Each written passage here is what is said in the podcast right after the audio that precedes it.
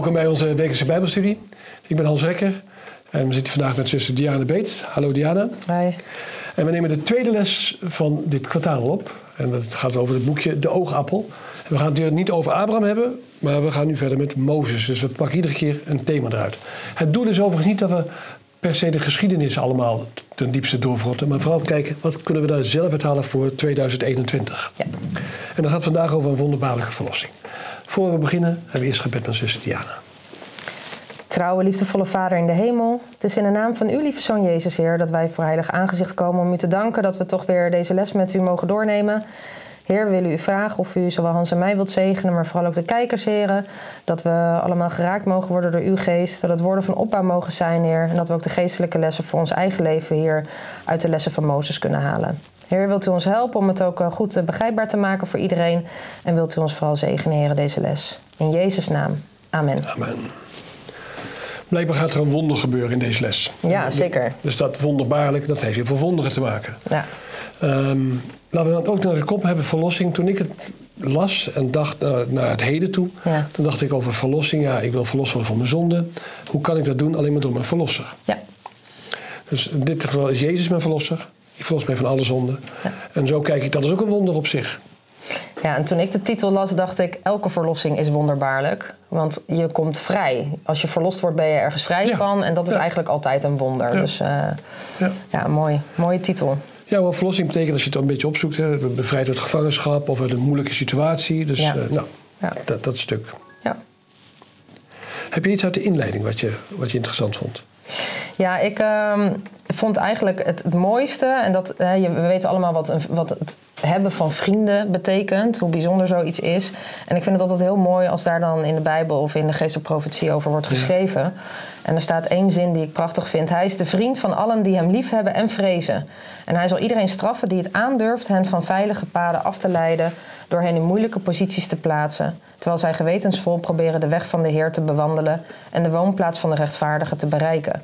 Ja, wat een vriend is dat, dat hij met ons is, maar dat hij ook wil helpen om ons niet op een verkeerd pad te brengen. En dus ook anderen straft die dat wel bewust doen. Dus ik, Ja. ja. dat is echt een, een, een vriend die doet alles. Die deelt de goede dingen met je en die deelt ook de moeilijke Ja. dingen met je. En is, Dat, is, eh, is een boze vriend voor de mensen die, die aan jou zitten. Ja, precies. Dus die komt echt voor je op. Nou, die kennen we ook allemaal, die vrienden. Ja. Dat is eh, heel Nee, fijn nee, om te hebben. En dat is mooi, want die ligt voor iedereen in de handbereik. Dat Jezus, die is mens Ja. in de hemel, de Zoon van God, die dat voor ons is. Ja, amen. Het eerste kopje gaat over geroepen om een geweldige missie uit te voeren. Ja, Ehm, voor degenen die denken van ik, ik ben niet zo goed in de Bijbel vast. Het gaat over het Oude Testament. Eh, het gaat over het tweede boek van de Bijbel, Exodus. En Exodus betekent uittocht. ja. Dus we gaan het hebben over Mozes. En we gaan niet zijn hele leven bestuderen. We pakken alleen maar deel eigenlijk dat hij aan het einde... van zijn leven is. Ja, deel 3 deel drie zou ik eigenlijk zeggen. Niet deel 2, maar deel 3 of zo Ja. van Mozes' leven. Ja. Ehm, laten we waar, zit, waar is Mozes nu als we bij die eerste vraag terechtkomen? Ja, een beetje context schetsen, Ja. denk ik. Het is, eh, hij had, en dat lezen we in het eerste vers, een beetje samenvattend zal ik het brengen. Maar hij had al het kleinvee van eh, zijn schoonvader, eigenlijk had hij eh, tot voorbij de woestijn gedreven. En hij was bij een specifieke berg, de berg Horeb. En daar lezen we in Exodus ook nog heel veel over. En ehm, eigenlijk eh, zien we in vraag 1 al dat de Heer bij Mozes verschenen is. En hij verscheen daar in het welbekende verhaal in de brandende ja, doornstruik. En ja, dat, brand, dat brandende, dat staat natuurlijk voor vuur. En we zien eigenlijk in heel Exodus zien we ook terug dat dat Gods aanwezigheid eh, betekent. Dus dat, eh, dat vond ik heel mooi. Ehm, hij was een beetje vervreemd van zijn eigen volk zo langzamerhand. Ja, hij is 40 jaar weg geweest. Precies. En toch zien we dan in deze les dat God zich gaat openbaren aan Mozes. Als God van, eh, van de vaderen die, die Mozes ook heeft gekend. Dus ja, Mozes behoorde tot het volk. En dat, dat gaat God hier onder andere laten zien. Dus dat was voor mij een beetje de context van eh, de versen daarvoor in ieder Ja. geval. Hij is 80, hè, dat weten we, Ja. we het bij elkaar tellen. Eh, dus dat is een stuk ouder jij en ik zijn in ieder geval. Ja, Maar in die tijd was, het wel, was je wel een oudere man, maar geen oude man. nee, nee. Dus je was niet echt... eh, Met gebreken of zo. Of uh, gewoon nog een sterke man. nee, dat was, was gewoon een sterke, fitte man. Ja. Dus eh, dat is wel het bijzondere. Ja. Wat ik zo mooi indrukwekkend vind, en dat wil ik even lezen... is hoe God met Mozes praat. Ja, En dat is, waarom vind ik het mooi? Omdat het ook de weg is hoe God met ons praat. ja zeker. Dus hij zegt, ik heb duidelijk de onderdrukking van mijn volk dat in Egypte is gezien. En ik heb hun geschreeuw om hulp vanwege hun slagen gehoord.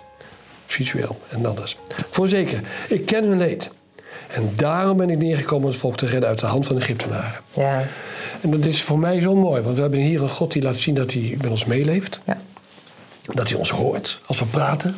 Ja. Als we om hulp roepen, hoort hij ons. Hij ziet het allemaal en hij laat het niet gebeuren. Alleen wel op zijn tijd. Dat Ja. is het wel. Zeker. Op zijn tijd. Dus dat is een prachtige God die niet alleen van toen is, maar ook nog steeds nu nog steeds Ja. geldt. Ja, wat je zegt vind ik ook heel mooi. Hè? Het is echt, ik zie jullie, ik hoor jullie en ik ken jullie. Ja. En dat is voor ons zo mooi om te weten als we in de diepste ellende zitten. God weet het, hij hoort elke Ja. traan, hij ziet elke traan die we laten. Hij, hij weet het. En daar gaat deze les ook over, dat we daarvan verlost kunnen worden. Ja. En we kunnen leren van die voorbeelden die Mozes heeft gekregen. Dat is echt prachtig. Ja. Het tweede deel van de vraag is: op welk moment was nou in het grote plan aangekomen? Ja, de verlossing, hè, om het eh, stukje te laten zien, dat, Ja. eh, dat zien we ook hier in het- inderdaad in het tweede deel van de vraag. Maar God heeft de onderdrukking gezien waarmee de Egyptenaren hen onderdrukten. En hij zal ze ja, leiden uit het land naar een goed en ruim land. Oftewel naar eh, Ja. het Canaan, hè? Voor, voor ons is het in de huidige tijd ook best wel ingewikkeld, want wij leven in de eindtijd, vinden we. Ja, We zijn zevende dag, dat het is een verwachte de wederkomst van Jezus. Ja. Ik ben mijn leven lang dat al. en je hoort dus ook je leven lang al dat, hij gauw weer komt. Ja, en dat hij gauw weer, dat hij gauw weer komt. Ja. Dit is weer een les die goed voor mijn geduld is. Ook om dit te zeggen, de Heer doet alles op zijn tijd. Ja. We zien straks dat het nog veel langer duurt dan wij in de eindtijd leven. We moeten ons bewust zijn, God vergeet ons echt niet. Nee, Ook al lijkt het soms wel zo in onze menselijke ideeën. ja, absoluut niet waar, nee. Dat is ook misschien wel een mooi stukje uit de opmerking nog, van vraag 1 dan, als ik Ja, dat mag ja. eh, delen. De Heer was niet onverschillig voor hun toestand. Hij was zijn onderdrukte volk niet vergeten. Het verslag zegt, God hoorde hun gekerm en God gedacht aan zijn verbond met Abraham, met Isaac en met Jacob. Wij kunnen nog wel eens bepaalde afspraken die we maken of beloftes die we doen vergeten. Of, God vergeet niks. Ja. Hij weet alles. En Ja. hij herinnert daar ook steeds aan. En ik vind het, de opbouw in deze vraag vind ik zo mooi. Hij ziet het, hij weet het, hij helpt vervolgens. Dan komt de verlossing en dan brengt hij ze ook naar het beloofde, beloofde land toe. Dus het is, God herinnert ons steeds weer terug aan de verbondsbelofte die hij ooit heeft gemaakt. God verandert namelijk echt niet. Nee, wat, ik, wat, wat ik bij mij overkomt, het is geen God van afstand. Nee. Die ver weg is en hoog boven ons verheven is. Nee, het is een God die heel dichtbij Ja. komt. En ons volledig dan omarmt met zijn medelevenheid. Ja. Hoe vaak ik als vrouw wel niet zeg, eh, je ziet me niet, je hoort me niet. En God hoort en ziet alles. Dus dat is echt op relationeel vlak. Daarom kunnen we er ook zo dat karakter van God hier heel mooi zien. Ja. Nou, de tweede vraag lijkt. Ik ga, ik ga, het gaat, dat gaat over de, de, de, op, de missie en bemoediging gaf, Mozes, gaf God aan Mozes. Ja. eh, om het goede nieuws te vertellen. Nou ja, het goede nieuws, kijken we zo wie, voor wie het goede nieuws was. Voor het volk was het goed nieuws, in ieder geval. ja. Ehm, wat was de opdracht nu die Mozes kreeg? Ja, Mozes kreeg wel een beetje een eh, grote opdracht. Want er staat in eh, de versen 10 tot 12, ga op weg. Ja. Ik zal u naar de farao zenden. Nou ja, Mozes wist dat de farao niet een hele... Daar was hij voor gevlucht, de oude vader. De oude farao, Ja. maar toch. Het is wel weer terug naar het land waar ze in slavernij waren geweest. Dus, en dan vervolgens een hele grote opdracht. U zult mijn volk, de Israëlieten, uit Egypte leiden. Ja, dan zie je de nietigheid van ons als mensen. Zie je hier ook in het antwoord van Mozes terug. Wie ben ik? Eh, je kan het op meerdere manieren interpreteren, maar zijn vraag is echt: wie ben ik dat ja. ik naar de farao zou gaan? Ja, en dan dat zien we in het tweede gedeelte natuurlijk van de vraag hoe God toch weer een belofte doet en hoe bijzonder dat is dat hij ons dus echt ziet. En dat hij hier Mozes ook ziet, maar misschien moeten we het daar zo meteen over hebben. Ja, als je nog 40 jaar teruggaat, zoals Mozes prins van Egypte, Ja, was hij bewust van zijn afkomst, ging daardoor naar zijn volk toe en wilde dat zelf wel doen. Hè. Daardoor vermoordt hij ook mensen. Ja toen was hij toch wat, wat misschien zelfverzekerder. Of hij Ja. weer veel vertrouwen in, in, in zijn handelen en doen. En Hij, hier, dacht, hij zag zichzelf als de leider, wel toekomstige leider. ja, nou, dat Ja. ziet hij hier niet per se. Ja. Ja. Het boeiende is dat het dezelfde persoon is, alleen hij heeft die 40 jaar nederigheid geleerd Ja, in de woestijn, in de achter woestijn. de schaapjes aan. Ja.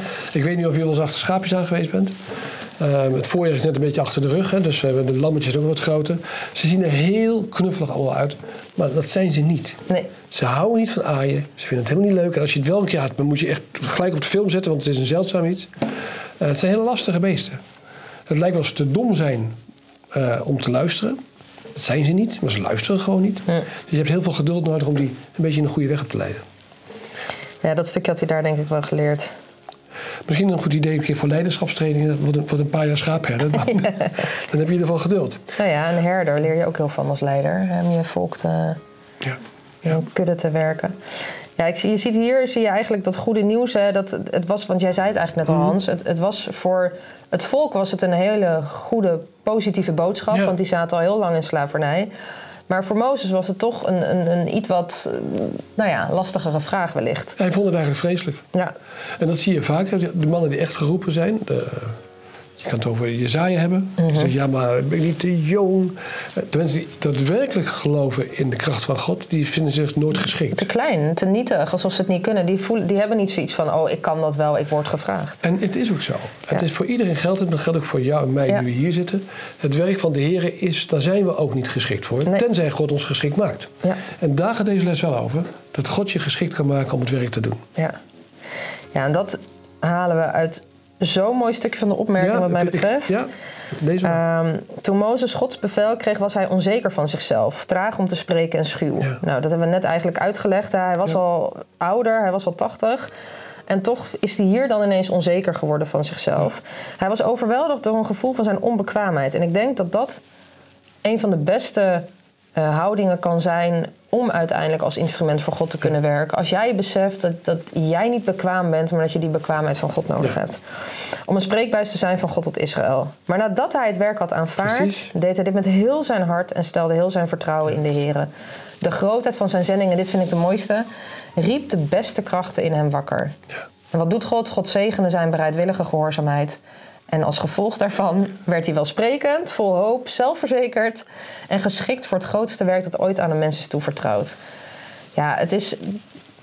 Wij kunnen eigenlijk ook, wij als mensen niet zeggen dat we iets niet kunnen. Daar hebben we gelijk in. We kunnen eigenlijk niks. Niks kunnen we vanuit onszelf. Maar op het moment dat we dat beseffen en zeggen: Heer, werk in mij en word dan trouw, dan geeft God ons alle talenten die we maar nodig hebben. Ja, Ja, het goede nieuws voor Gods volk. Ja. Daar gaat het volgende kopje over. We hebben het net al aangeraakt. Hè. Maar ehm, waar ging Mozes als eerste naartoe? En ik denk ook vooral, waarom deed hij dat? ja, nou ja hij, hij moest eerst iemand ontmoeten. Ook nog een keer persoon. Ja. En eh, gelukkig toen hij naar eh, Egypte ging, eh, stelde hij dus weer een vraag aan God. Dus we hadden net de situatie al bij Mhm. vraag 2 daarover beschreven. En dan vraagt hij, wat is uw naam dat ik hun kan zeggen dat u mij hebt gezonden? Ja. Dat staat dan in vers 13. En dan is het antwoord van God eigenlijk zo mooi. Want God zegt dan op die reis, ik ben die ik ben. Precies. Oftewel, ik ben er altijd geweest. Ik ben onveranderlijk. Ik, ik, ik ben. Ja. En ehm, ja, ik vond die boodschap vond ik heel veelzijdig. Want uiteindelijk moest eh, Mozes terug naar Egypte inderdaad. En er verschijnt dus eh, verschijnt de Heer aan hem. Mhm. Ehm, God laat zien dat hij naar zijn volk heeft omgezien. Dat hij precies weet wat hun is aangedaan Ja. in Egypte. En dat hij hen ook zal leiden uit de verdrukking naar het beloofde land. En hier zie je eigenlijk in deze vraag dat Mozes ook alle oudsten van Israël moest verzamelen. En dat vinden wij eigenlijk heel erg belangrijk. Hè? Dat, dat Mozes zich echt realiseert van... ik moet naar de oudste toe en niet zomaar naar eh, mensen waar hij zelf naartoe wil. Maar hij wilde echt de oudste van, eh, van Israël moest hij verzamelen. En dat is ook een hele directe opdracht van God aan Mozes. Want Ja. God wilde Mozes gebruiken als persoon om tot die Mhm. oudste te spreken. Eh, dus ik heb opgeschreven, het is een soort bemiddelaar Ja. tussen God en zijn volk. Nou, wat interessant is dat deze les gaat er niet over dat hij eerst Aaron stuurt, omdat Nee. Aaron wel wel bespraakt was. Later wordt Mozes het ook, hè, maar in het begin was het even nog niet zo. Nee. Was hij al 80 jaar tot- totdraag geweest. Hè? Ja, ja. Dat is heel bijzonder.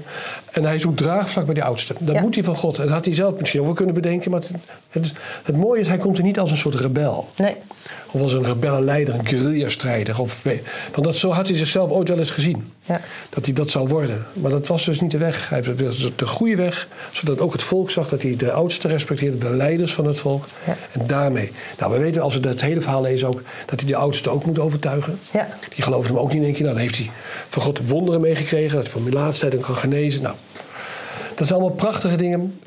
Maar de, de essentie in dit geval... eh, het is goed nieuws voor het volk. Ja, en wat moest hij dan dat volk brengen? Wat Ja. moest hij dan tegen die oudsten zeggen, tegen de Israëlieten? Dat was, en dat zie je ook heel vaak terug Mhm. in de Bijbel, zeker in het Oude Testament. Dan herhaalt God weer welke Ja. God hij is. De, de Heere, de God van uw vaderen, de God van Abraham, de God van Isaac, de God van Ja. Jacob. Dat zie je eigenlijk heel vaak terug. En hij herhaalt wederom dat het zijn naam is. Het is zijn naam ter gedachtenis van generatie op generatie. Oftewel, ze kregen dezelfde boodschap als die aan Mozes eigenlijk verschenen Precies. was. Ja, er zit niks tussen. Nee.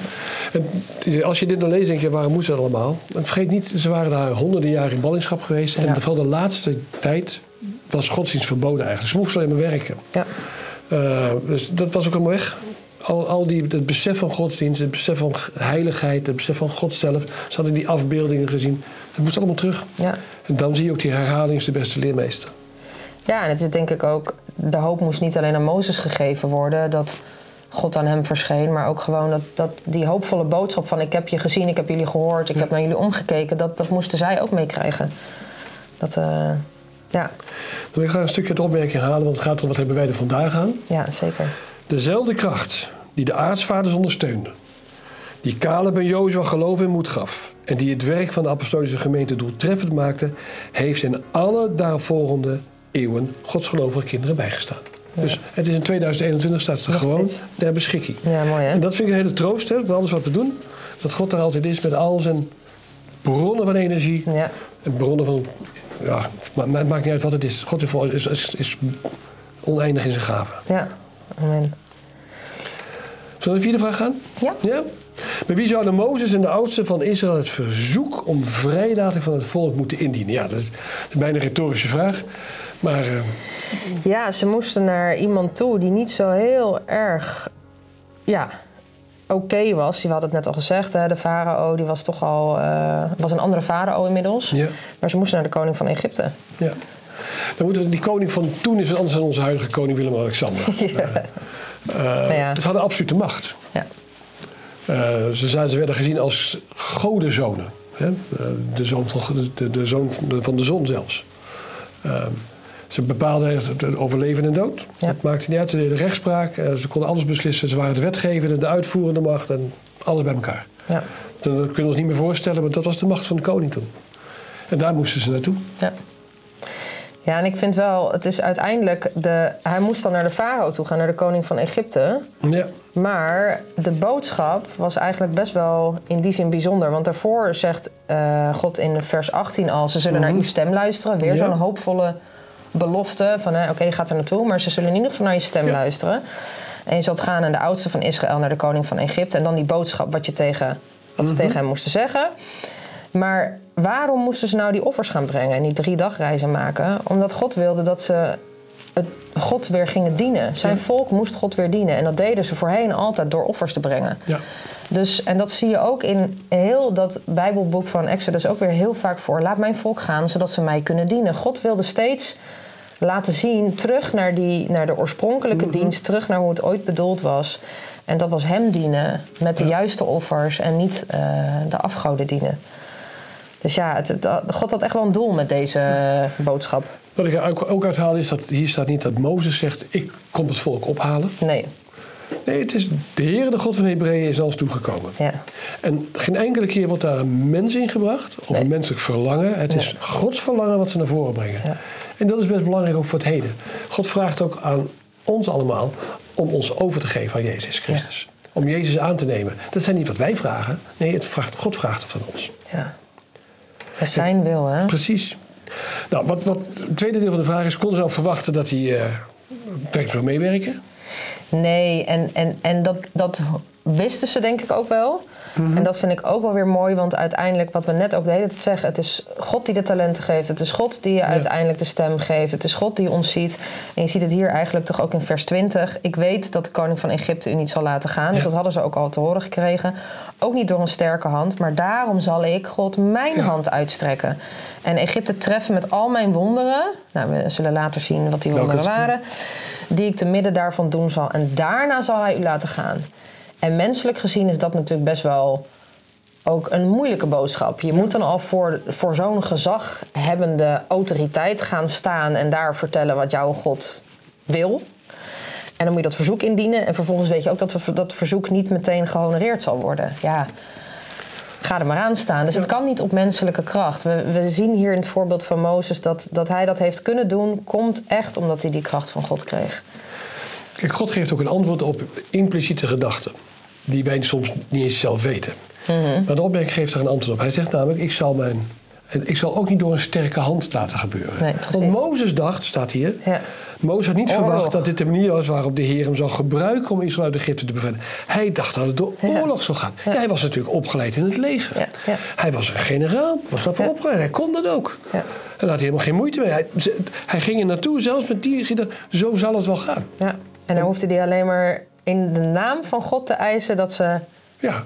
mochten gaan. Ja, Dus- oké.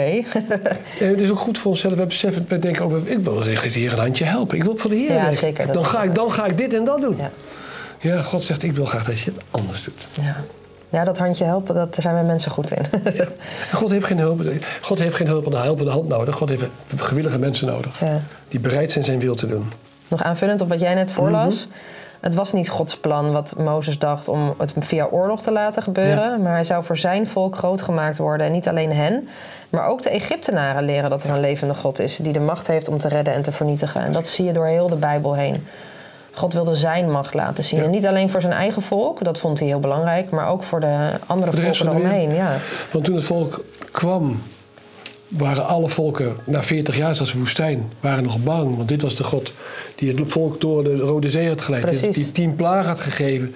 Die het machtige Egypte had verslagen. Het was hun God. Ja. Nog steeds. Ja.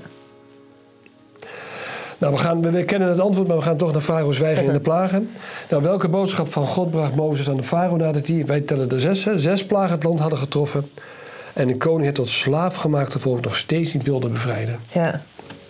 Ja, ik, ik haalde er een bepaalde zin uit, Mhm. uit, die, eh, uit dat vers 14. En daar staat, staan twee woorden eigenlijk in, dat is deze keer. Ja, En als je dan de zes plagen daarvoor bekijkt, dan gaat het steeds over ehm, ja, het volk, het land. De plagen hadden het land getroffen met kikkers, muggen, et cetera. We kennen, de meeste van ons kennen het gewoon allemaal. materiële schade zou je kunnen zeggen. Precies. Ja. En in die versen 14 tot en met 17 dan vertelt de Heer ineens de kracht en de bedoeling van de plagen. En dan zal het ineens ook op de farao zelf, op zijn dienaren en op zijn volk worden afgezonden. En waarom is dat nou? Dat is niet alleen vanwege de straf, maar ook dat de farao en al zijn dienaren en het volk weten dat er op heel de aarde niemand is zoals God. Ja. En dus God heeft ook een bedoeling. Wij kunnen menselijk gezien misschien denken: oh, wat een plagen, dat is toch vreselijk dat dat is toegelaten. en hoe kan Ja. Want het is ook vreselijk.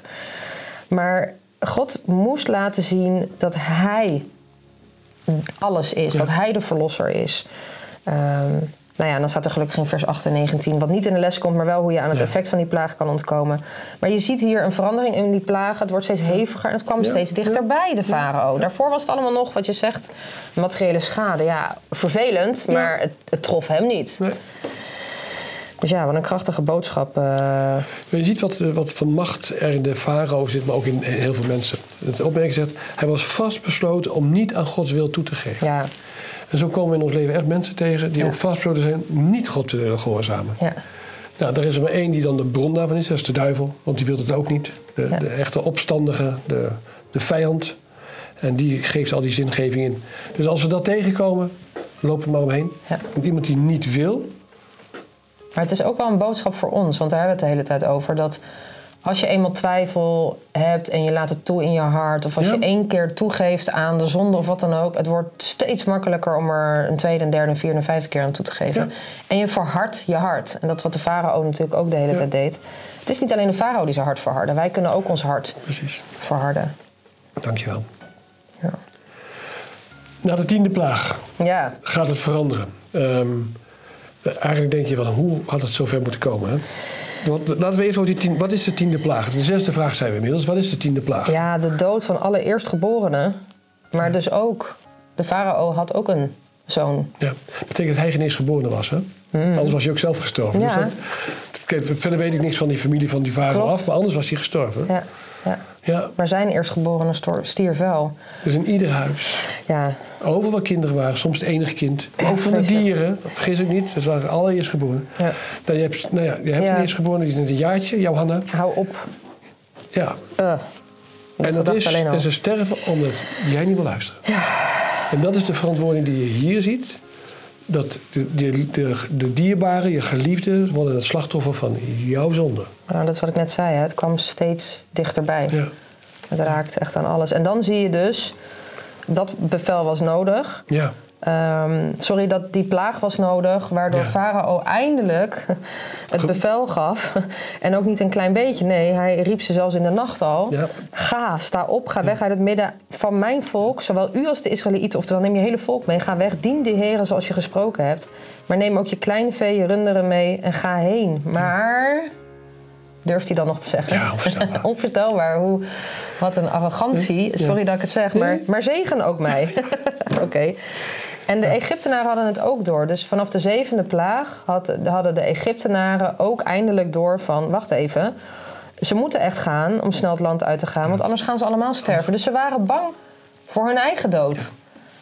Ja, We weten in de toekomst zal het weer gebeuren. ja. niks nieuws is onder de zon. hè? In openbaring 16 kunnen we het lezen. Ja. Er zijn er zeven plagen die onvergelijkbaar zijn hiermee, want ze zijn, over de, ze zijn het laatste oordeel, de wraak van God. Ja, En alleen is er dan geen hoop meer. nee. Dus dan zegt straks weer kunnen we ons dan nog bekeren? Nee. Als de plagen uitbreken, is de tijd van genade voorbij. Dus nu is de tijd van genade nog wel, want de plagen zijn er nog niet. Ja. Dat is een makkelijk bewijs. Waar weten we aan toe zijn, dus er is hoop, er is redding om naar de stem van God te luisteren. ja, amen. En uiteindelijk heeft Farao helemaal niet geluisterd, want hij joeg er nog een keer achteraan en is in de zee gestorven. Ja. Ja. Laatste vraag, de prachtige uittocht. En het mooie van, waarom is het zo bijzonder om toch even stil te staan? We kennen het bij uitkomst. Maar het Pascha wordt nog steeds door de oprechte Joden gevierd. Mhm. De uittocht uit Egypte was zo groot, zo machtig. Ehm, hoe lang, nou, laten, we, laten we het over de zeven vragen hebben. Die enorm mooie gebeurtenis. Hoe jij ernaar kijkt.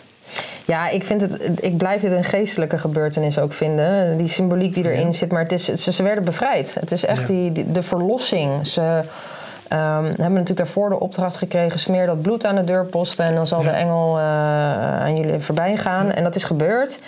En, en ze worden bevrijd. Ik bedoel, hun eerstgeborenen waren niet gedood. Zij konden daadwerkelijk weggaan. Ja, en dat is, vind ik, wij zijn ook in slavernij, in slavernij van de zonde. En toen ik bekeerd raakte, voelde ik me ook daadwerkelijk bevrijd van, van zoveel last die je met je meedraagt in die, in die hele slaaf, slavische gevoelens. Dus eh, heel bijzonder om, eh, om te zien. Ja, en, en voor de Israëlieten was het, ze hadden 430 jaar volgens eh, Ja. vers 40, hadden ze in Egypte gewoond. En vervolgens mochten ze uittrekken. Ja. Ik bedoel, wat een blijde dag zal dat zijn. Ze kregen al het geld mee, goud mee. en Alles. werden daarna gesmeten als ze Ja. maar weggingen. Ze, Ja. waren als, ze waren letterlijk als de dood dat ze allemaal zouden sterven. Ja, en dan ben je dus eerst slaaf, heb je niks. Eh, Ja. Ik bedoel, je bent gebonden en je mag weg. Daar ben je al blij mee. En vervolgens krijg je ook nog alles mee om weer voor God alles op te bouwen. Ja, Voor degenen die denken, ja, maar hoe komt het nou dat wij die, dat Pasen niet meer zo vieren? We weten dat Jezus het daadwerkelijke offer is geweest van Pasen. Hij is op Pasen gestorven, op Pesha moet ik dan zeggen. Ehm, en uiteindelijk is dat de, de reden dat die dienst niet meer nodig is. En jij bent heel mooi. Wij gaan iedereen, als wij uit de wereld getrokken worden, of verlost worden, worden we daadwerkelijk verlost uit Egypte, zoals het ja, heet. ja. ja, wij maken ook die reis. Hè? Wij ontmoeten Ja. op onze reis, net als Mozes, ook God. Wij denken ook dat we niet bekwaam zijn. Wij denken ook dat we dingen niet kunnen. En dan gaandeweg geeft God ons die talenten. En dan, ja, dan kunnen we andere mensen redden. Niet wij, omdat wij dat doen, maar omdat we een voorbeeld zijn voor die anderen. Ja, en ik vind ook altijd mooi aan dit onderwerp dat we vreemdelingen zijn op aarde. We zijn bijwoners in een vreemd land. Wij, wij als gelovigen horen hier niet thuis op aarde. We, we, we hebben de beproevingen moeten we doorstaan om Ja. uit te kijken naar onze verlossing en naar een hemels Kanaan. En dat is waar we natuurlijk naartoe eh, hopen te gaan. En dan zegt God dat hij in ons midden wil wonen. Ik, Je, je, haalt het voorbeeld van Abraham aan, hè? Want Ja. Abraham die is het beste voorbeeld. Die, die was schatrijk, maar bouwde geen huis voor zichzelf, want hij was Nee. op weg naar het hemelspaleis. Nou, wat kunnen we een beetje uit deze les leren zo? Ja, heel veel dingen, denk ik. ja, Eh, ik heb er voor een van de dingen voor mezelf is als je als de Heer tot je spreekt de eerste keer, luister maar gelijk, want Ja. daarna wordt het niet leuker op. dat is, ja, dat is. Ja, denk ik. Als Farao de eerste keer had geluisterd, moet je eens kijken wat, wat een enorme besparing dat geweest was. Ja, en ik denk ook het stukje. Mozes was in de woestijn, hadden we eigenlijk Ja. al.